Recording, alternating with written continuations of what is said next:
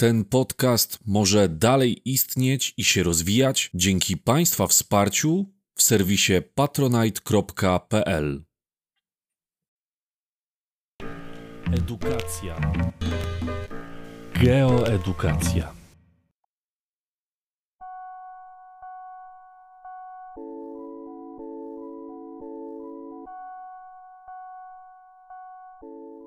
Islandia, kraina wulkanów i trzęsień ziemi. Tytuł tego odcinka nie jest zbyt zachęcający do tego, aby tam zamieszkać, i faktycznie liczba ludności na Islandii być może nie jest zbyt duża. Ale też, jeżeli widzieliście jakiekolwiek zdjęcia z tego miejsca, albo być może tam byliście, to z pewnością udało Wam się zauważyć, że nie jest to kraj, który jest bardzo słabo rozwinięty i regularnie leżący w zgliszczach.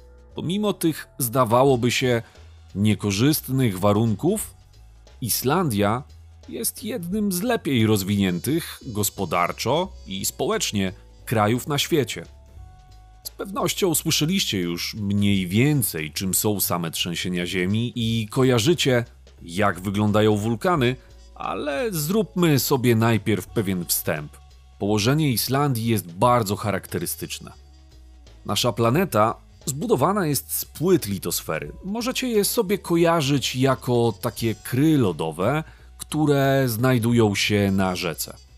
I podobnie jak kry lodowe, tak i te płyty litosfery się przemieszczają. Islandia znajduje się na dwóch, to znaczy, że tak jakby pęknięcie w tej litosferze przedziela nam Islandię. Ono w niektórych miejscach jest widoczne na powierzchni.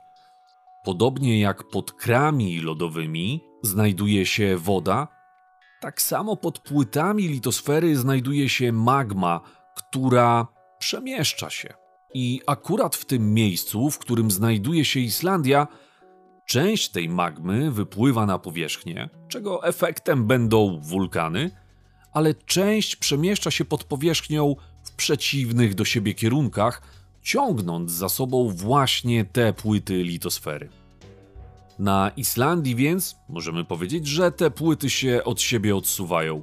Nie jest to jednak jakieś ogromne tempo, bo mówimy tu mniej więcej o 2 cm rocznie, co w ciągu całego naszego życia da nam dwa, może trzy kroki. Położenie Islandii na tej granicy i wypływy magmy w kierunku powierzchni będą oznaczały jedno: magma łatwiej się wydostanie na powierzchnię, a wtedy będzie już się nazywać lawą. A sam proces wydostawania się tej magmy na powierzchnię nazywamy właśnie wulkanizmem. Wulkany są chyba najbardziej charakterystycznym elementem krajobrazu Islandii, a ich występowanie niesie ze sobą zarówno korzyści, jak i negatywne skutki.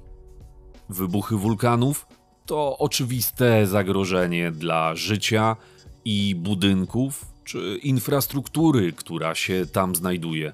Olbrzymie ilości pyłów, które może wulkan wyrzucić w trakcie wybuchu, to również zagrożenie dla transportu lotniczego.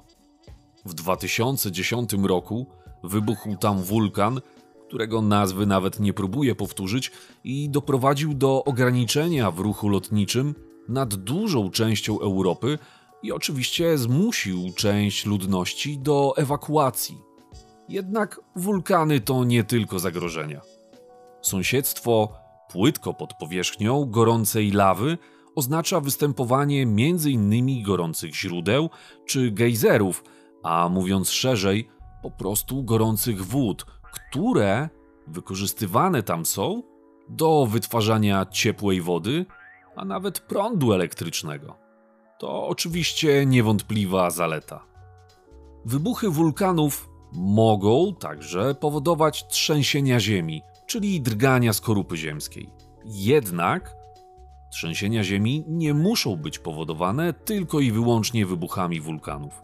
Już samo przemieszczanie się płyt litosfery, o których wspominałem wcześniej, nie odbywa się w sposób łagodny i płynny, a właśnie ten gwałtowny ich ruch może spowodować, że Ziemia będzie drgać. Im to rozładowanie energii, im ten ruch będzie gwałtowniejszy, tym wstrząsy będą silniejsze.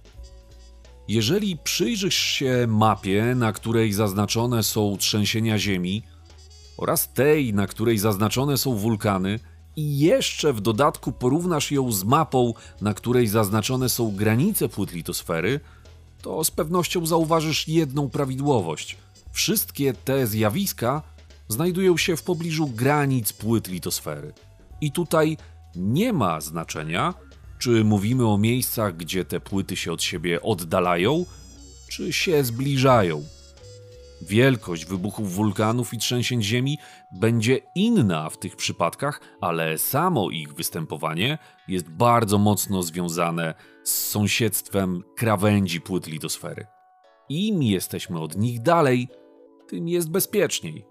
No i oczywiście możecie sobie zadać pytanie, czy w Polsce występują wybuchy wulkanów i trzęsienia ziemi?